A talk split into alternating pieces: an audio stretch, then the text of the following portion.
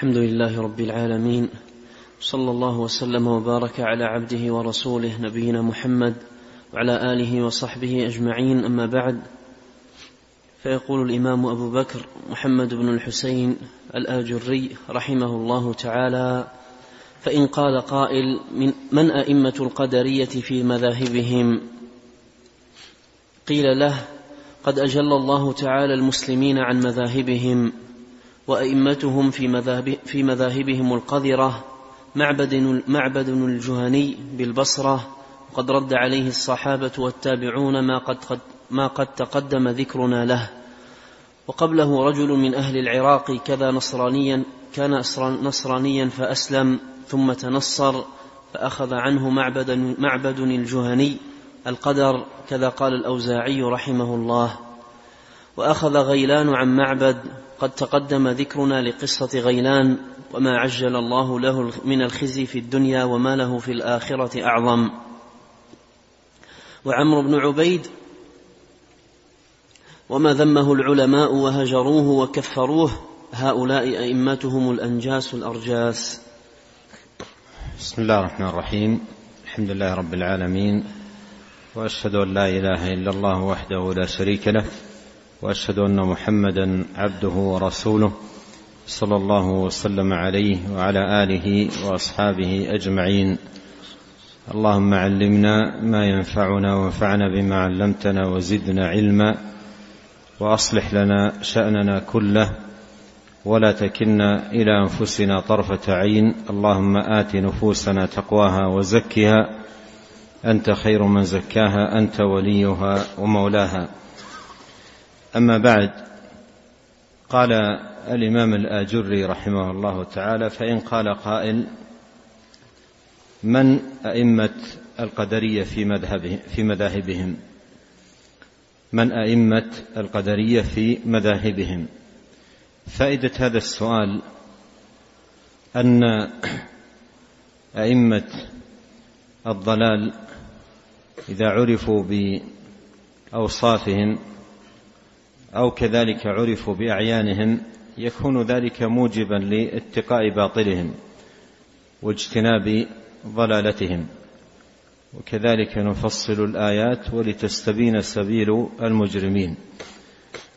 فإذا استبانت السبيل بمعرفة أوصاف أئمتها إذا استبانت سبيل الضلال بمعرفة أوصاف أئمتها أو بمعرفة أعيانهم فإن هذا من الأمور المعينة لطالب الحق طالب الحق والهدى أن يجتنب سبيل أهل الضلال.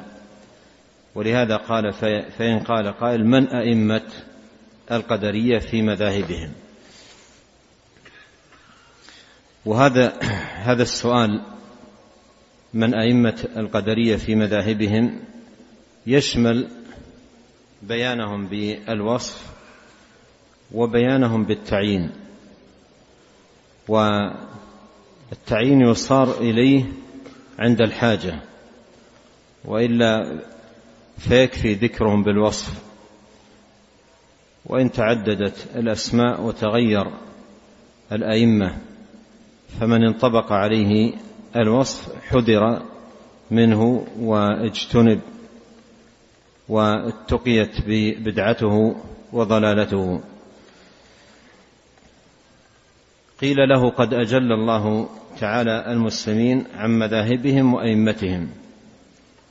قد أجل الله أي برأ ساحة أهل الحق والهدى وسلمهم وعافاهم من هذه المذاهب ومن أئمة هذه المذاهب.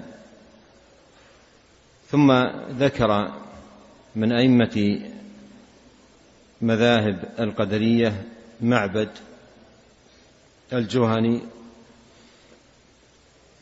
وأيضا ذكر غيلان الذي أخذ عن معبد وذكر عمرو بن عبيد وهؤلاء الثلاثة من أكبر رؤوس القدرية ودعاتها.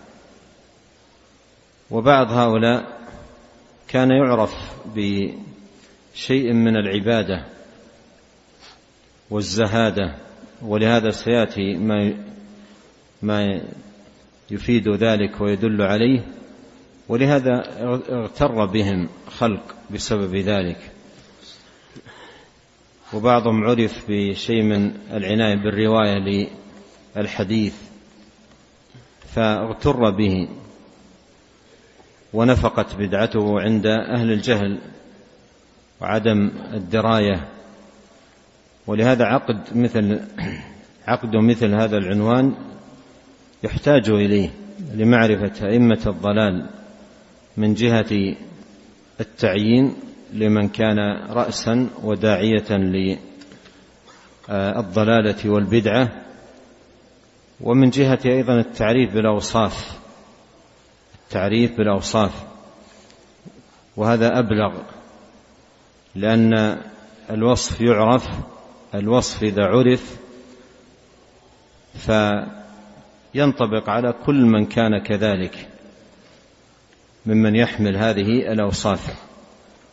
ولهذا لما فضح الله سبحانه وتعالى المنافقين في السورة التي تسمى الفاضحة سورة براءة سورة التوبة لما فضحهم ذكرهم بالأوصاف. قال أهل العلم في الحكمة من ذلك لتبقى هذه أوصافا يعرف بها المنافق في كل زمان. يعرف بها المنافق في كل زمان. فمن قرأ أوصاف المنافقين وعرفها فإذا انطبقت على شخص في أي زمان فهو من المنافقين. فهذا من الحكمة في تعريف بأهل البدع بأوصافهم والتعريف بهم بالأعيان هذا يحتاج إليه أيضا. هذا يحتاج إليه. ولهذا عين رحمه الله تعالى بعض أكابر أئمة هؤلاء آه، الضلال القدرية. نعم.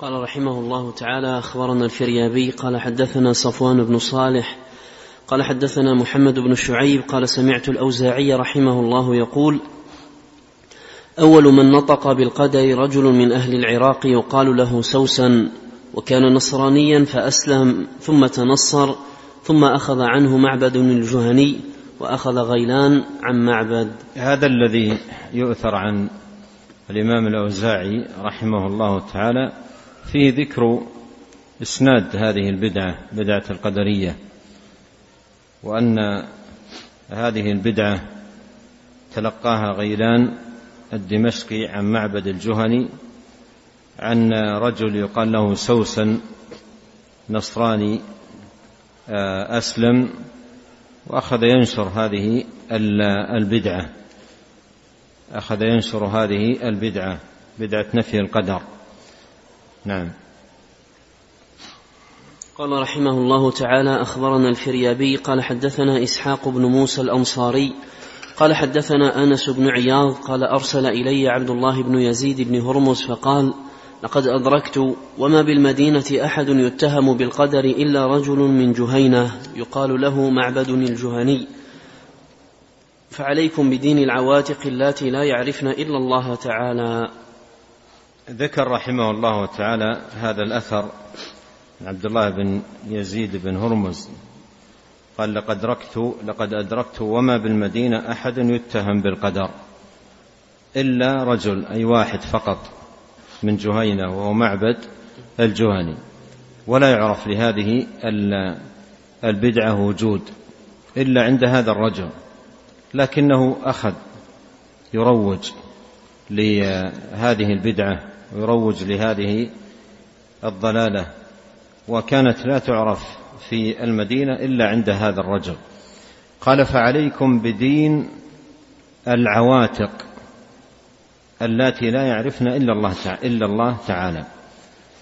المراد بدين العواتق أي دين الفطرة. وتارة يقال دين العواتق وتارة يقال دين العجائز. المراد دين الفطرة. الفطرة التي فطر فطر الله سبحانه وتعالى الناس عليها.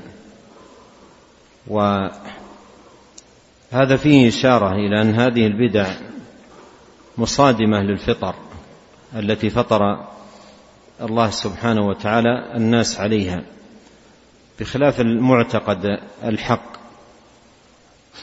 فإنه يتواءم مع الفطر. ويوافقها ولا يصادمها.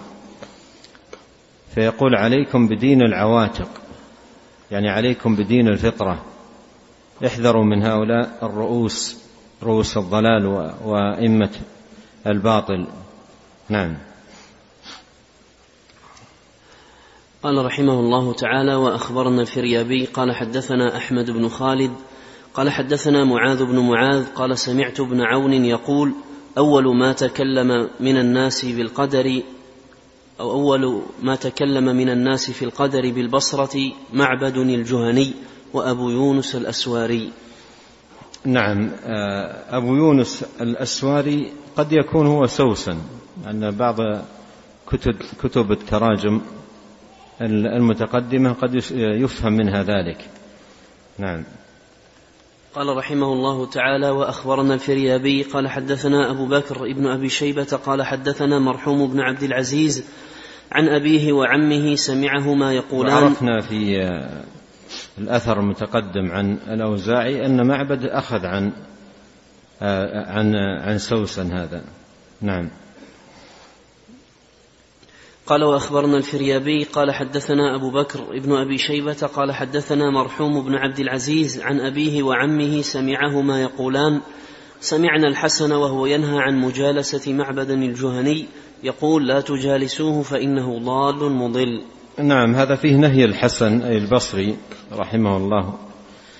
ومن أجلة علماء التابعين عن مجالسة معبد عن مجالسة معبد الجهني لأنه رأس من رؤوس هذه البدعة بدعة القدرية. نعم.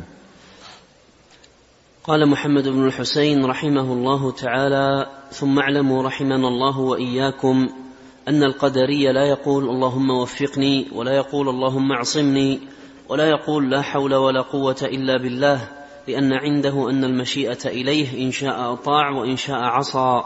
فاحذروا مذاهبهم لا يفتنونكم عن دينكم. هذا من الشواهد والدلائل على عظم فساد بدعة القدرية وشناعتها وعظم ضلالة هؤلاء القوم الذين ينفون المشيئة عن الله ويثبتونها للعبد ويقولون أمر الطاعة والمعصية إلى العبد. إن شاء أطاع وإن شاء عصى ولا علاقة لمشيئة الله سبحانه وتعالى بذلك. وهذا يتضمن نفي الهداية ونفي التوفيق ونفي الشرح للصدر لقبول الحق والهدى نفي التسديد المعونة. كل هذه لا معنى لها عندهم. لا معنى لها عندهم. يعني مثلا قول النبي عليه الصلاة والسلام لمعاذ بن جبل. إني أحبك فلا تدعن دبر كل صلاة. إن تقول اللهم اعني على ذكرك وشكرك وحسن عبادتك. هذا لا معنى له عند القدرية. اللهم اهدني وسددني. اللهم إني أسألك الهدى والسداد. اللهم إني أسألك الهدى والتقى. كل هذا لا معنى له عندهم. كله لا معنى له عندهم. لأن يعني هذا الطلب من الله هو طلب والعياذ بالله بزعمهم في شيء لا مشيئة لله فيه. لا مشيئة لله فيه وإنما هو أمر عادل للعبد نفسه هو الخالق لفعل نفسه. فلا معنى لسؤال الله الهداية أو سؤاله التوفيق أو سؤاله المعونة على الخير. وما جاء من النصوص في تقرير ذلك وإثباته يحملونه محامل بعيدة. فمثلا التوفيق عندهم البيان العام. التوفيق البيان العام والهداية الهداية العامة. لكن شرح الصدر للحق و توفيقه لقبوله ولزومه وتثبيته عليه ومعونته وتسديده هذه معاني لا يثبتونها لأنها تصادم عقيدتهم الباطلة التي نفي القدر. تصادم عقيدتهم الباطلة التي هي نفي القدر. فهذا مما يظهر شناعة عقيدة هؤلاء. قال لا يقول القائل منهم اللهم وفقني ولا يقول اللهم اعصمني ولا يقول لا حول ولا قوة إلا بالله. لا حول ولا قوة إلا بالله. هذه كلمة استعانة. كلمة استعانة. كلمة فيها طلب المعونة من الله. لا حول ولا قوة إلا بالله. أي لا تحول من حال إلى حال. ولا حصول قوة للعبد. ينهض بها ويقوم ويتحرك ويباشر أعماله إلا بالله سبحانه وتعالى. فهي كلمة استعانة. ولهذا شرع للمسلم إذا سمع المؤذن ينادي حي على الصلاة حي على الفلاح أن يستعين بالله يقول لا حول ولا قوة إلا بالله.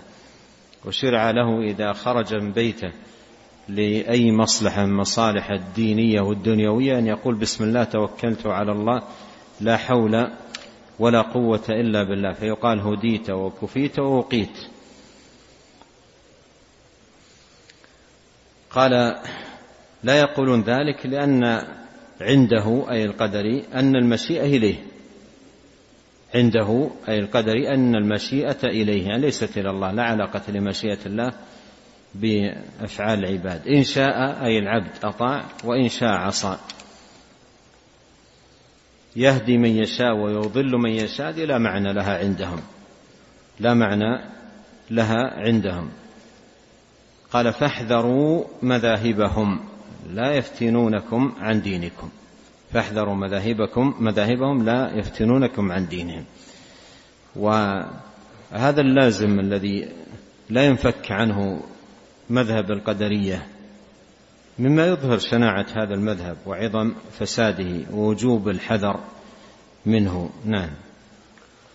قال رحمه الله تعالى أخبرنا الفريابي قال حدثنا عمرو بن علي قال سمعت معاذ بن معاذ يقول صليت أنا وعمر بن الهيثم الرقاشي خلف الربيع بن برة. قال معاذ أخبرني عمر بن الهيثم أنه حضرته الصلاة مرة أخرى فصلى خلفه. قال فقعدت أدعو فقال لعلك ممن يقول اللهم اعصمني. قال معاذ فأعدت تلك الصلاة بعد عشرين سنة. نعم. قال محمد بن الحسين رحمه الله وكان الربيع بن برة هذا قدريا وكان من المتعبدين عندهم. نعم يعني في هذا الأثر ما يوضح المعنى السابق أن القدرية كما قال المصنف لا يقولون اللهم وفقني اللهم اهدني اللهم سددني اللهم عني على ذكرك وشكرك وحسن عبادتك لا حول ولا قوة إلا بالله اللهم إني أسألك الثبات على الحق والعزيمة على الرشد كل هذه الدعوات لا معنى لها عندهم. ولهذا هذا القدري وهو الربيع بن برة وكان من المتعبدين عندهم كما قال المصنف. وأورد ابن بطة رحمه الله العكبري هذا الأثر في الإبانة وقال عقبه هذا من كبار مشايخ القدرية بالبصرة. قال هذا يعني الربيع بن برة قال هذا من كبار مشايخ القدرية بالبصرة. وكان من العباد المجتهدين في هذا في هذا الخذلان. عصمنا الله وإياكم منه ومن كل بدعة. هذا الخذلان الذي ينفي القدر. كان من المجتهدين في ذلك. ولهذا إلى جنبه رجل يرفع يديه ويدعو الله سبحانه وتعالى وينكر عليه. ماذا؟ أن يقول في دعاء اللهم وفقني اللهم سددني اللهم اهدني اللهم عني. ينكر عليه ذلك.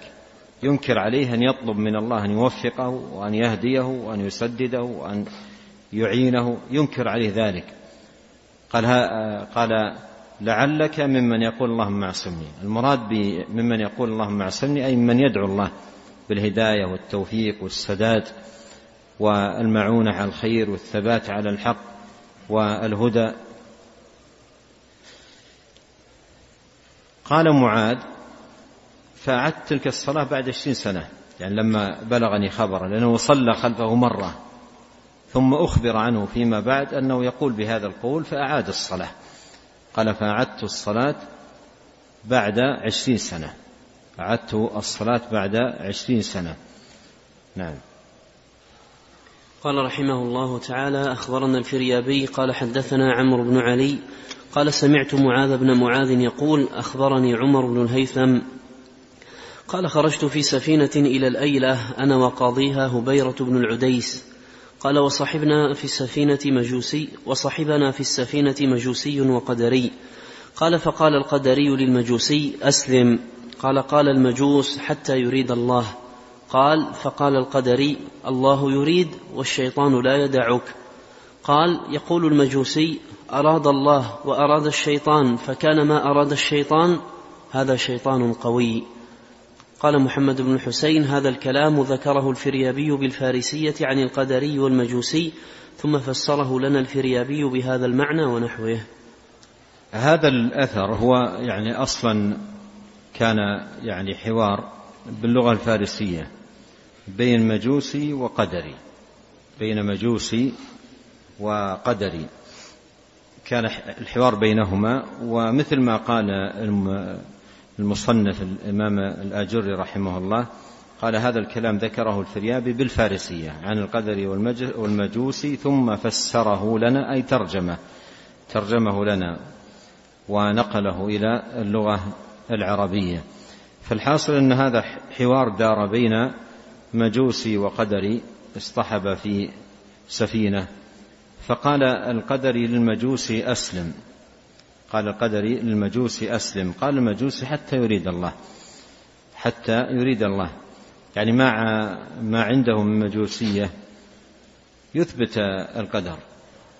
يثبت القدر يقول حتى يريد الله. يعني حتى يريد الله هدايتي وشرح صدري للخير. فأنكر القدر ذلك عليه. أنكر القدر ذلك عليه. يعني أنكر عليه إثبات القدر وأن وأن الهداية إنما تكون بإرادة الله والمراد بالإرادة هنا الكونية القدرية. فقال القدري الله يريد والشيطان لا يدعك الله يريد والشيطان لا يدعك قال هذه الكلمة معترضا على قول المجوسي حتى يريد الله حتى يريد الله. قال يقول مجوسي أراد الله. وأراد الشيطان فكان ما أراد الشيطان هذا شيطان قوي هذا شيطان قوي. فالحاصل أن هذا مما يوضح الفساد الذي عليه القدرية وأنهم حتى في دعوتهم إلى الإسلام هم دعاة إلى مذاهب فاسدة ومذاهب آه، من وبعيدة عن دين الله سبحانه وتعالى. نعم. قال رحمه الله تعالى حدثنا أبو الفضل العباس بن يوسف الشكلي قال قال بعض العلماء مسألة يقطع بها القدري. يقال له أخبرنا أراد الله تعالى من العباد أن يؤمنوا فلم يقدر أو قدر فلم يرد. فإن قال قدر ولم يرد قيل له فمن يهدي من لم يرد الله هدايته وإن قال أراد فلم يقدر قيل له لا يشك جميع الخلق أنك قد كفرت يا عدو الله. هذا الأثر المنقول عن بعض أهل العلم ولم يسم آه، فيه حجة قاطعة للقدر حجة قاطعة وملزمة للقدر في بيان فساد مذهبه. قال مسألة يقطع بها القدر. مسألة يقطع بها القدر. أي إذا آه، تجودل معه بهذه الحجة فإنه يقطع لا يجد جوابا. يقال له أخبرنا. أراد الله تعالى من العباد أن يؤمنوا فلم يقدر أو قدر فلم يرد.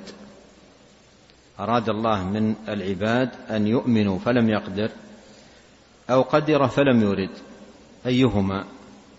فإن قال قدر ولم يرد.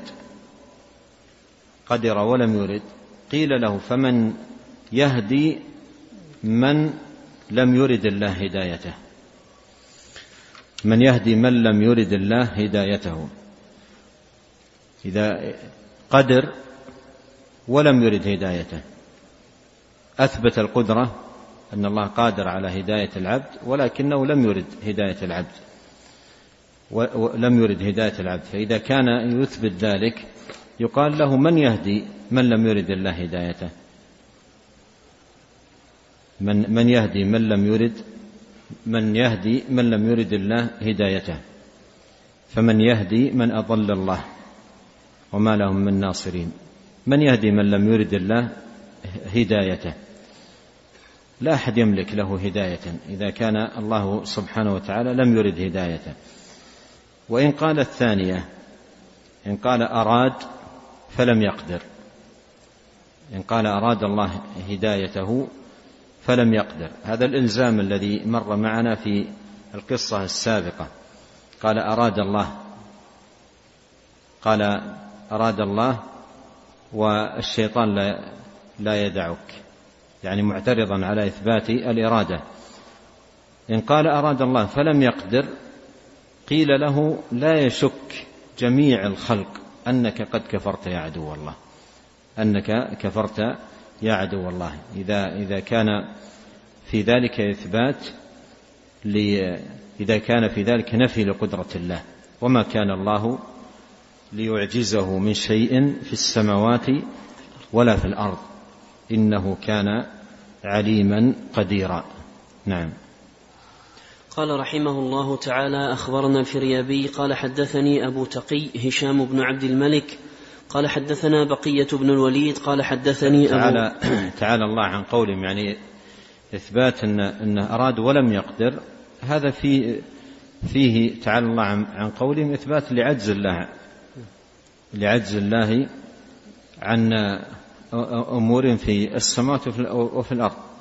وما كان الله ليعجزه من شيء في السماوات ولا في الأرض. إنه كان عليما قديرا. نعم.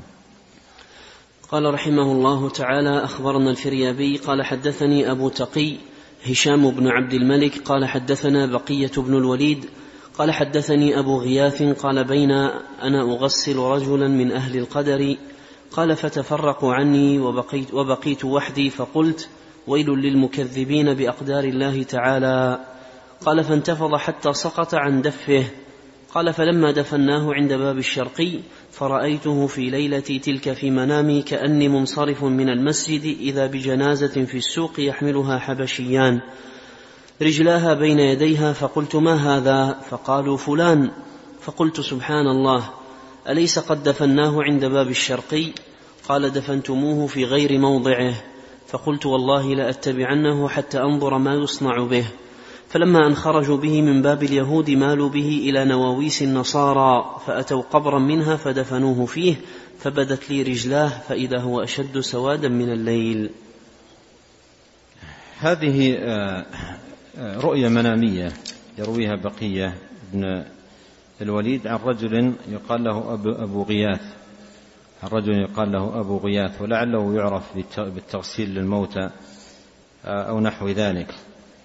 فذكر أنه غسل رجلا من أهل القدر وقد تفرق الناس عنه ثم رآه في المنام على الحال التي آه، مرت معنا في هذه الرؤيا التي ذكرها. وعلى كل إن صحت هذه الرؤيا فهي من الرؤى التي فيها فيها البيان لسوء حال هؤلاء. لأن الرؤى المنامية تكون فيها آه، المبشرات مثل ما ترى الرؤية للصالحين ومكانتهم العظيمة ومنزلتهم ويسألون في الرؤيا ماذا وجدت ماذا آه، أعد الله لك. فتأتي مبشرات في رؤى صالحة لبعض الصالحين وهذا معروف في قديم الزمان وحديثه وقد أيضا تكون مقابل لذلك رؤى فيها سوء حال أئمة الضلال. فيها سوء حال أئمة الضلال وأئمة الباطل. فإن صحت هذه الرؤية فهي من هذا القبيل. نعم.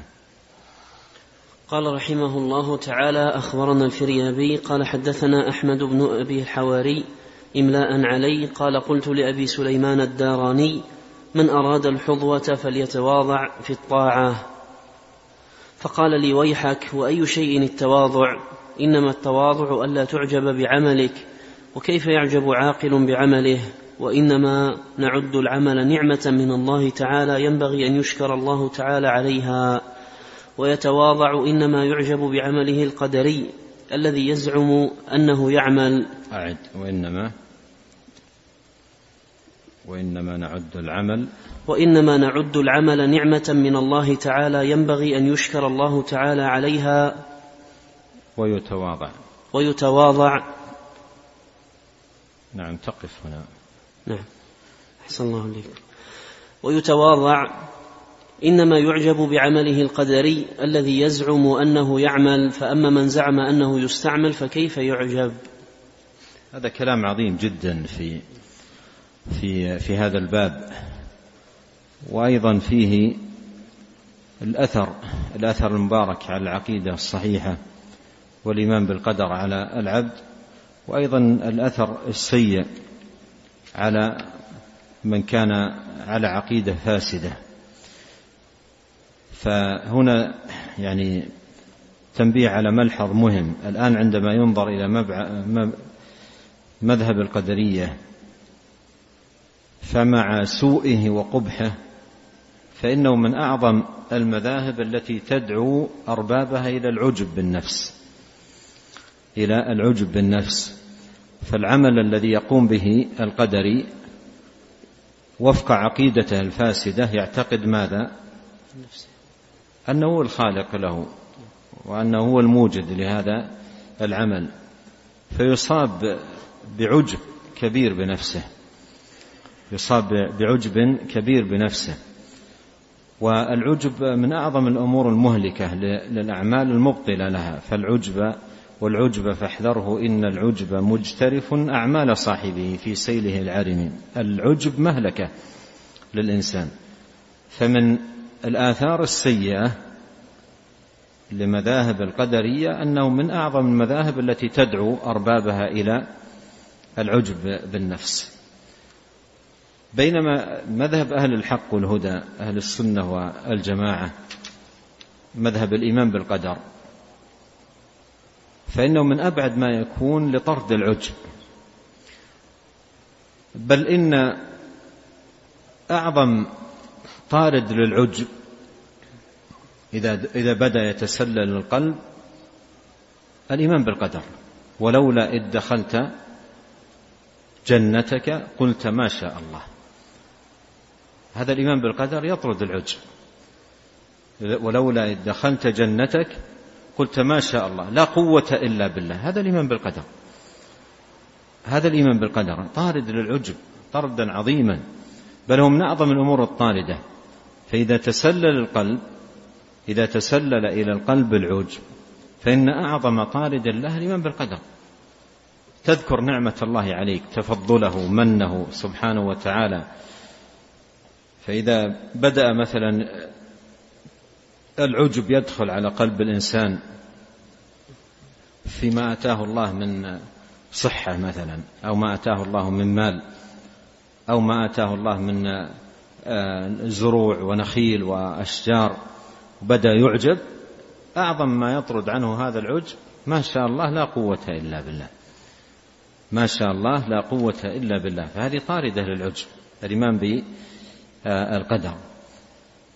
وفي هذه القصة قال أحمد بن الحواري قلت لأبي سليمان الداراني من أراد الحظوة يعني الرفعة والمنزلة العالية الطيبة فليتواضع في الطاعة. فقال لي ويحك وأي شيء التواضع إنما التواضع ألا تعجب بعملك. إنما التواضع ألا تعجب بعملك. بمعنى أن تعمل أن تعمل الطاعة والعبادة وتشهد وأنت تعمل الطاعة المنة. لا تنظر إلى نفسك فتعجب. وإنما أدي الطاعة وأنت تشهد المنة منة الله عليك بالتوفيق للطاعة والمنة بالعبادة. قال كيف يعجب قال إنما التواضع ألا تعجب بعملك وكيف يعجب عاقل بعمله؟ وإنما نعد العمل نعمة من الله. فإذا كان المرء يعد العمل نعمة من الله سبحانه وتعالى فإن الذي يتحرك في قلبه ما هو؟ العجب لا والله الشكر. الذي يتحرك في قلبه الشكر والحمد واستحضار الفضل. هذا من فضل ربي. تراها في قصص الأنبياء. هذا من فضل ربي. شهود المنة. الذي يحرك في قلب العبد شكر المنعم وحمده والثناء عليه بما بما هو أهله سبحانه وتعالى. قال وإنما نعد العمل نعمة من الله تعالى. ينبغي أن يشكر الله عليها ويتواضع. ويتواضع. أن يكون العبد جامعا بين الشكر والتواضع. فإذا الذي يوصل إلى التواضع والشكر شهود النعمة. إذا قام العبد بطاعة أو أيضا استجدت له نعمة من صحة أو عافية أو مسكن أو غير ذلك إذا شهد المنة أحدث له ذلك تواضعا وشكرا. تواضعا وشكرا. هذا هذا هذا الكلام وفق ماذا؟ عقيدة أهل السنة. لكن في وفق عقيدة القدرية قال إنما يعجب بعمله القدري. إنما يعجب بعمله القدري. وهذا من شؤم عقيدة أهل القدر وفسادها. أنها إضافة إلى ما فيها من فساد فإنها أيضا جالبة للعجب. قال إنما يعجب بعمله القدري الذي يزعم أنه يعمل. ما المراد يزعم أنه يعمل؟ أي بدون مشيئة الرب. أنه هو الخالق لفعل نفسه. هذا هو المراد. فأما من زعم أنه يستعمل فكيف يعجب؟ يستعمل أي يستعمله آه، الله في الطاعة. يستعمله الله في الطاعة. فمن يعتقد أنه يستعمل يعني أن الطاعة التي قام بها هي من استعمال الله له في الطاعة توفيقا وتسديدا ومعونة. فهذا لا يعجب هذا يحمد يحمد الرب ويشكر المنعم على منه وفضله سبحانه وتعالى. نعم. قال محمد بن الحسين رحمه الله تعالى يقال للقدري يا من قد لعب به الشيطان يا من ينكر أن الله تعالى خلق الشر. أليس إبليس أصل كل الشر؟ أليس الله خلقه؟ أليس الله تعالى خلق الشياطين وأرسلهم على من أراد ليضلوهم عن طريق الرشد؟ فأي حجة لك يا قدري؟ يا من قد حرم التوفيق. أليس الله تعالى قال وقيضنا لهم قرناء فزينوا لهم ما بين أيديهم وما خلفهم إلى قوله إنهم كانوا خاسرين. وقال تعالى ومن يعش عن ذكر الرحمن نقيض له شيطانا فهو له قرين وإنهم ليصدونهم عن السبيل ويحسبون أنهم مهتدون. وقال تعالى ألم تر أنا أرسلنا الشياطين على الكافرين تؤزهم أزا؟ نعم يعني هذا نوع من أنواع الأدلة أدلة القرآن على فساد مذهب القدرية. ومر تنويعا للمصنف رحمه الله في أوائل الأبواب التي تكلم فيها عن القدر في ذكر أنواع من أدلة القرآن على إبطال مذاهب القدرية. وأيضا مر معنا الأثر الذي يروى عن عمر بن عبد العزيز وعن غيره أن الشيطان أصل كل شر. أن الشيطان أصل كل شر. ولو أراد الله أن يعصى ما, ما خلق آه، ألا يعصى آه، لما خلق الشيطان. فهذه الأدلة ولها نظائر كثيرة في كتاب الله هي أيضا من أنواع الأدلة التي تدل على فساد مذهب القدرية. نسأل الله الكريم أن يوفقنا لكل خير وأن يعيننا على ذكره وشكره وحسن عبادته وأن يهدينا وأن يهدي لنا وأن يهدي بنا وأن ييسر الهدى لنا وأن يجعلنا له ذاكرين له شاكرين إليه أوابين منيبين.